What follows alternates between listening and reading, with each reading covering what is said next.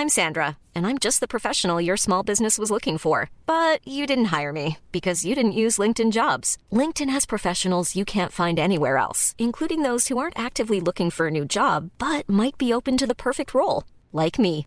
In a given month, over 70% of LinkedIn users don't visit other leading job sites. So if you're not looking on LinkedIn, you'll miss out on great candidates like Sandra. Start hiring professionals like a professional. Post your free job on linkedin.com/people today. Quality sleep is essential. That's why the Sleep Number Smart Bed is designed for your ever evolving sleep needs. Need a bed that's firmer or softer on either side? Helps you sleep at a comfortable temperature? Sleep Number Smart Beds let you individualize your comfort so you sleep better together. JD Power ranks Sleep Number number 1 in customer satisfaction with mattresses purchased in-store. And now, save 50% on the Sleep Number limited edition Smart Bed for a limited time. For JD Power 2023 award information, visit jdpower.com/awards. Only at a Sleep Number store or sleepnumber.com.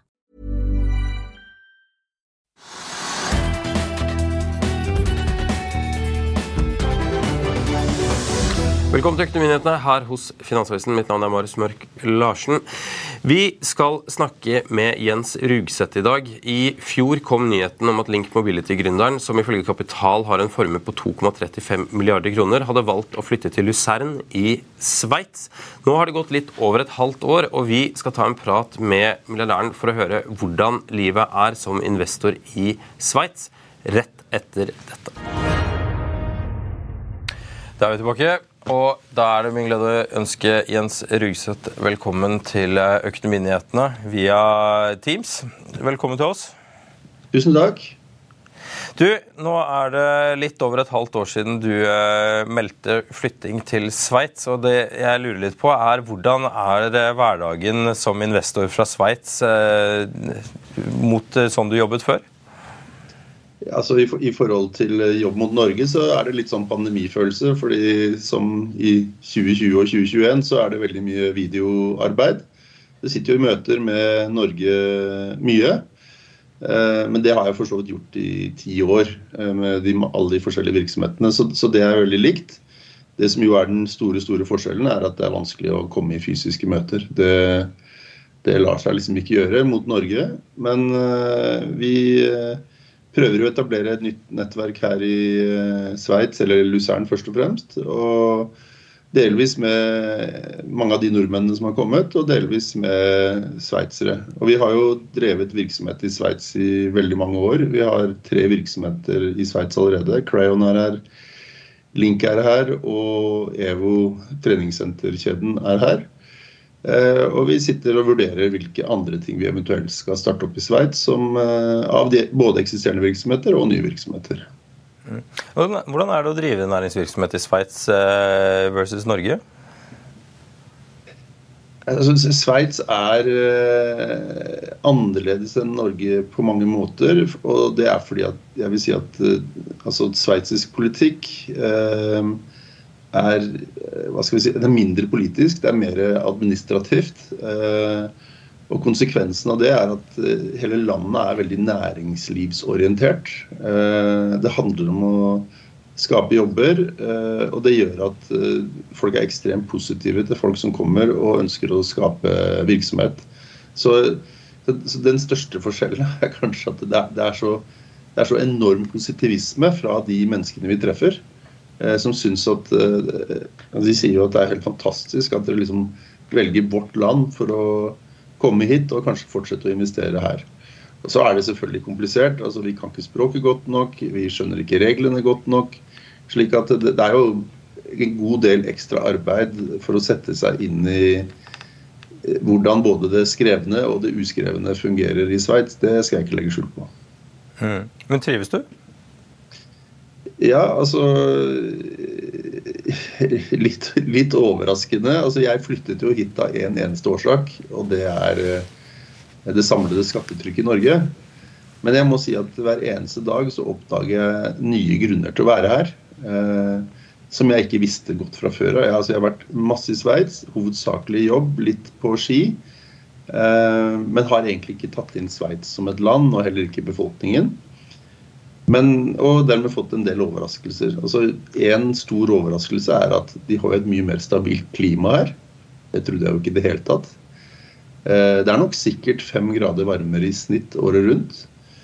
Eh, jeg var litt bekymret, for jeg er veldig glad i sjøen, at jeg ikke skulle kunne bo nær vann og, og sjø. Og så viser det seg at Luzern har jo verdens mest fantastiske innsjø. Stor innsjø. Ikke så stor som Mjøsa, riktignok, men her eh, vi, vi, lever tett på vannet, vi lever tett på fjellene. Vi lever veldig tett på en uh, fantastisk by i Luzern. Altså, dette er en by som, hvor det ikke har vært krig på nesten 800 år. Hvor arkitektur, kultur, Uh, uteliv uh, er veldig, veldig flott. Så ja, jeg, jeg, trives. Og det eneste som på en måte plager meg, det er tilgangen på venner, på familie. Og det å kunne sitte i sofaen med en kollega og prate delvis uh, bare tøys. nå er det veldig businessorientert, det som skjer på video. Det, det, blir lett for å bli sånn. Mm. Går det utover kreativiteten? Ja, altså det, det, går nok til en viss grad utover kreativiteten. For jeg, jeg, opplever at mye av det som skapes, skapes i samtaler hvor man kanskje ikke helt vet hvor man begynner og ikke helt vet hvor man slutter, men hvor det kanskje kommer noen gullkorn innimellom. Og det forsvinner til en viss grad. På den annen side så har jeg jo drevet med næringslivsvirksomhet i så mange år at jeg, jeg føler til en viss grad når når, når, det er, når, det oppstår en mulighet, eh, at om det er noe jeg skal gå etter eller ikke skal gå etter. Eh, og da er det kanskje ikke fullt så mye kreativitet, men mer erfaring som er avgjørende. På investeringssiden så er jo dere, du, dere er fortsatt ganske eksponert mot det norske markedet, selv om du er i Sveits. Er alle investeringene deres i, basert ut fra Norge? Uh, ja, nesten alle. Altså vi har uh, vi har jo virksomhet i mer enn 50 land, eh, eh, mens hovedkontorene stort sett er i Norge. Eh, og det tar jo tid å dra i gang nye virksomheter. Den store forskjellen fra november 2022 og til juni 2023 er at nå sitter vi og lurer på hva vi skal lage herfra. Og vi har etablert et par firmaer, riktignok bare småfirmaer foreløpig men som, som, vil på en måte være senter for vår virksomhet fremover. Og konsekvensen av det er at det er ikke noe eh, naturlig sånn startpunkt for oss at det skal startes i Norge. Det er vel heller tvert imot. Vi har en eh, maks antall dager i, vi kan være i Norge på 61, og det naturlige vil være at de virksomhetene vi starter fremover, vil ha hovedmotor utenfor Norge. Men om det blir i Sveits, det kan jo gjerne være i Danmark eller i Tyskland eller i USA for den saks. Eh, hvordan er eh, Jeg tenker liksom eh, det, du, du, sier jo rett ut at du flytter utelukkende pga. skattetrykket. Eh, samtidig så nå, nå, har vi hatt uh, flere her. Senest hadde vi Sissener inne på Jan Petter Sissener her på mandagen. Og, og, da er jo liksom litt spørsmålet Du er jo en, en, formuende mann. Har du ikke råd til å betale skatten og bare bli boende i Norge? Hadde ikke det vært enklere for deg? Eller, eller hvorfor blir denne skatten så, så vanskelig for personer i din, eh, i din, rolle? Ja, Det kan jeg veldig enkelt forklare. Eh, mindre enn 2% av min formue er privatformue, i den forstand at det representerer Eller var, for nå har jeg jo ikke verken hus eller hytter eller noe som helst i Norge lenger. Men mindre enn 2% representerer min privatformue. De 98% andre representerer aksjer og eierskap i virksomheter.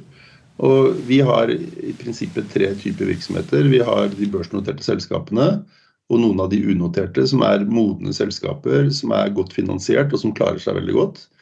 Og så har vi virksomheter som er hva skal vi kalle det, halvmodne, som i for så, for så, vidt vokser og klarer seg godt, men som kan trenge penger til å vokse videre. Og så har vi av de 15 virksomhetene vi har, så er vel tre-fire av de i en sånn forstand at de trenger kapital for å vokse videre. Og den kapitalen, hvis jeg i tillegg til å betale ja, som det sto i brevet jeg fikk fra skatteetaten, 35 millioner i i formuesskatt og, og, i praksis ender opp med over 50 millioner i utbytteskatt, så er konsekvensen at disse selskapene i praksis må legges ned. Og det, det oppfattes blodurettferdig blodig urettferdig overfor de selskapene og for de ansatte som som jo også er aksjonærer, og som har satset hardt på å bygge ny virksomhet. Så de penga har jeg rett og slett ikke. Jeg kunne selvfølgelig sagt at ok, nå slutter jeg å skape virksomhet, vi slutter å vokse. Og, og vi, altså vi har en oppgave her i livet, det er å forvalte virksomhetene på en sånn måte at vi kan betale formuesskatt til den norske stat. Men, men jeg syns ikke det er en god formålsparagraf for virksomheter. De Virksomheter har én hovedoppgave. Det er å sikre arbeidsplassene. Det er å sikre at man vokser nok til å kunne reinvestere og sikre en fornuftig avkastning til for så vidt både stat og eiere. Eh, men det må være balansert, og nå er det ikke balansert. Ja, vi hadde jo to NHH-masterstudenter inne her som hadde gjort en, en, oppgave. og Den viste jo at et av problemene for mange av de som, som blir som velger å flytte, er at de rett og slett begynner å føle seg som en utgiftspost i sitt eget selskap. Du har eh, utleie, eller du har eiendom, eiendomsutgifter, lønnsutgifter, og så har du eh, utgifter til at det største eier skal bo i Norge. Ja, altså vi har gjort regnestykke på det. Eh, vi har ja, et eller annet sted mellom 10 og 11 000 ansatte i alle de virksomhetene som vi er inne i. Og fordi jeg sitter jo ikke og eier dette 100 vi er mange aksjonærer. Så hvis selskapene skal finansiere min formuesskatt og min utbytteskatt, som er det eneste alternativet, så har vi regnet på at det, det dreier seg om ca. 1 milliard kroner som må trekkes ut av virksomhetene hvert år. De pengene er ikke tilgjengelige. Eh, slik at eh, jeg er en utgiftspost og en ulempe for, eh, for våre selskaper. Og det var egentlig ikke noe alternativ annet enn at jeg må sørge for at det ikke er den ulempen. Jeg er glad i å drive virksomhet. Det er det jeg kan. Det er det jeg har holdt på med hele livet, og det er helt sikkert det jeg kommer til å holde på til jeg blir båret ut. Og da må jeg passe på at jeg er en asset for selskapene, og ikke en, en ulempe. Mm. Regjeringen sier jo at, eh, at den, eh, norske eh, aktiviteten går jo, går jo, så de griner. Det er ikke noen problemer der. sånn at liksom, Skattetrykket oppfattes ikke av regjeringen visstnok som, som et problem. Men samtidig så ser vi jo at mange næringslivsledere er ja, la oss si det sånn, ikke enige. Hva slags, altså, hva slags følger tror du dagens skatteregime får for for verdiskapning og utvikling av ny næring i Norge? Nei, For det første så, så, er det jo stadig flere som flytter. Altså Jeg har et møte med en på Team senere i dag som ønsker å få litt orientering om hvordan de første seks-sju månedene har vært for oss, for det vedkommende ønsker å flytte ut i løpet av året. Og, og det, er, det, er, mange som, som er på vei. Og og det er jo trist. Ikke, altså de økonomiske konsekvensene både for landet og konsekvensene for nyetablering og skape verdier er selvfølgelig veldig trist. Men, men, men, det som er kanskje det tristeste, det er at det skapes en kløft mellom de som skaper verdier eh, i form av å etablere og drive virksomheter, eh, og de som på en måte blir igjen. Og, og det er veldig uheldig. Eh, det interessante her det er jo at det finnes mer enn nok av bevis som vi kan se på av konsekvensene av den politikken som føres nå. Eh, vi har sett en, Kanskje de mest kjente eksemplene er jo i Sverige og i Frankrike. Eh, hvor man har fått en enorm oppblomstring av ny virksomhet etter at man fjernet formuesskatt og utbytteskatt. Og så skjønner jeg at det er intellektuelt ekstremt vanskelig å forstå at en person som har milliarder i formue, ikke kan betale 50 millioner i skatt. For når man snakker prosentsatser, så er det veldig lite. Men eh, det er utrolig viktig å forstå at den formuen er ikke penger. Og i prinsippet så er det egentlig bare et verktøy for å skape mer virksomhet. Det hadde jo vært helt utenkelig for meg å selge meg ut av virksomhetene. For det første så hadde jeg, hvis jeg hadde sagt i dag at nå skal jeg selge alle virksomhetene, så hadde jeg kanskje fått halvparten igjen for den teoretiske verdien som er der. Eh, det er helt umulig for meg å få solgt ut alt. Og, og, konsekvensen av at folk flytter, er jo negativ på så mange måter. Altså, ikke bare eh, blir det mindre skatteinntekter, men det blir eh, altså, Du ser det på husene i Norge. altså De store, dyre husene som blir stående tomme. Eh, det blir, det blir eh, mindre arbeid til folk som, eh, som, som jobber i, i selskaper, fordi fokus flyttes ut av men alt dette er jo ting som politikerne selvfølgelig skjønner og forstår. Problemet er at å gjøre noe med det er ekstremt komplisert. Eh, du sitter som Jonas Gahr Støre, og du eh, er opptatt av at ok, nå har jeg brukt 20 år på å bli statsminister, jeg har kanskje fire år. Skal jeg da være venner med mine venner, eller skal jeg hjelpe det, de som faktisk nå flytter ut? Han har LO på én side, han har SV og Senterpartiet og Rødt på den andre siden, som overhodet ikke forstår problematikken. Og Derfor så blir det retorikk om skatteparadiset Sveits og flyktninger, og at vi er eh, bendelormparasitter, eh, eller hva det nå heter, alt de kaller oss. Og, og realiteten er at Sveits er jo kanskje et av de er jo ikke et skatteparadis. Hvis man skal definere et skatteparadis, så bør man ikke se lenger til Sverige. Sverige har kanskje den beste skatte Eh, skattereglene for folk som driver virksomhet i hele Europa. Eh, men Sverige er for nært, så det, det som politiker det, vi, vi, kaller ikke Sverige et skatteparadis. Men i Sverige har de altså ikke formuesskatt. Eh, de har en utbytteskatt som i praksis ikke treffer de fleste. Mens i Sveits så har man alle de norske skattene pluss flere. Forskjellen er at de er lavere. Eh, og Årsaken selvfølgelig er at man driver landet ekstremt mye mer effektivt. Og så har man en idé om at eh, det er ikke staten som skal sørge for all virksomhet og som skal sørge for alle mennesker, det skal de i stor grad gjøre selv. Og, og det ser vi. altså De har en moms her nede på 7,7 Konsekvensen er at det er spisesteder på hver eneste topp. Det er mulig å drive virksomhet i hver eneste lille bygd, for de får beholde alle penga selv. Vi, vi, har jo en restaurantvirksomhet. Jeg syns det er ganske interessant. I Norge, når vi selger en øl, så stikker staten av med 25% moms. Og nesten halvparten av resten i, i skjenkeavgift og alkoholavgift. I, så det vil si at Hvis du selger en øl for 100 kroner, så sitter vi igjen med 40 kroner etter at staten har tatt for seg sitt. Mens i Sveits, hvis du selger en øl til 100 kroner, så sitter du igjen med 95 kroner til å drive butikken. Og Konsekvensen er at du har et ekstremt sterkt levende småbedriftsmiljø i dette landet.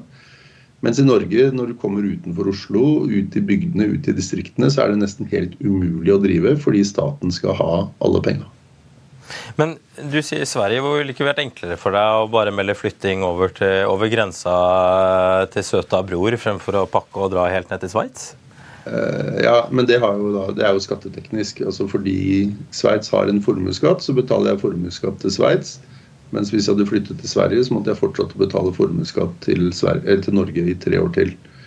Så teoretisk sett så kan jeg flytte til uh, Sverige uh, om to og et halvt år uh, og bo der. men vi som har flyttet ned, og det, det hører jeg de alle sammen si, de sier vi kan ikke sitte på vent. Vi kan ikke vente på Erna. og vi tror heller ikke at Erna kommer til å fjerne dette her. Eh, så vi er nødt til å investere her vi er. Eh, vi er nødt til å satse på dette som fremtiden. Betyr det at vi kommer til å bli boende her for alltid? Det vet man jo ikke, men, men vi, vi, kan ikke sitte på vent. Vi må nødt til å bygge virksomhet, og det, det gjør vi her. Vi bygger et liv her. Veldig bra. Eh, hvis du skal se for deg siste spørsmål, hvis du skal se for deg hvordan fordelingen din blir på, på norske eh, versus utenlandske investeringer i fremtiden, hvordan tror du den eh, forskyvningen blir? Eh, altså, Vi har jo veldig mye virksomhet i Norge, men vi har veldig mye virksomhet i andre land. Så fordelingen vil være sånn at det vil være stort i Norge i, i prinsippet i all fremtid. Men hvis vi ser på det vi kommer til å gjøre av nye ting, Eh, så vil jeg tro at det blir en betydelig overvekt utenfor Norge.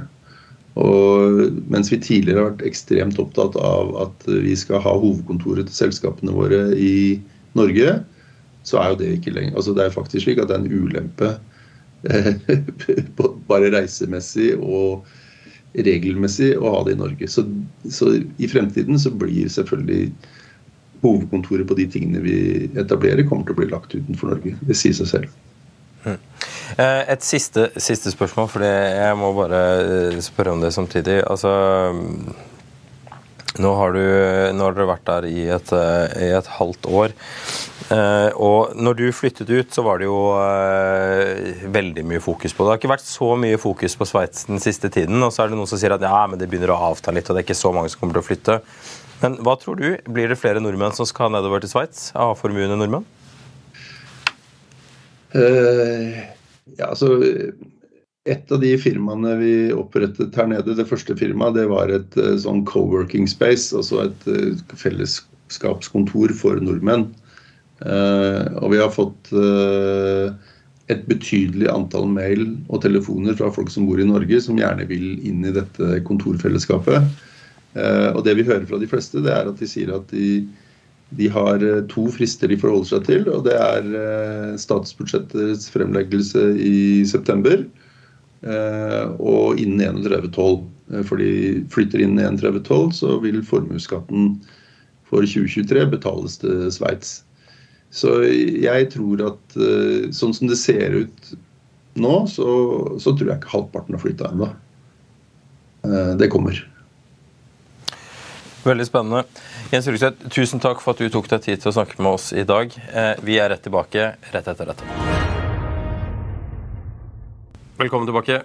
Jeg skal bare kjapt minne om at du kan se og høre disse sendingene når du vil på fa.no slash tv, eller der du hører podkast. Bare søk opp Økonominyhetene eller Børsmorgen.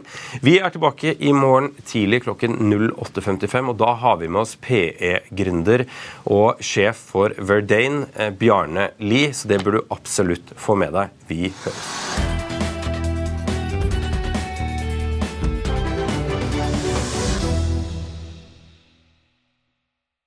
Økonominyhetene er en podkast fra Finansavisen. Programledere er Marius Lorentzen, Stein Ove Haugen og Benedikte Storm Bamvik.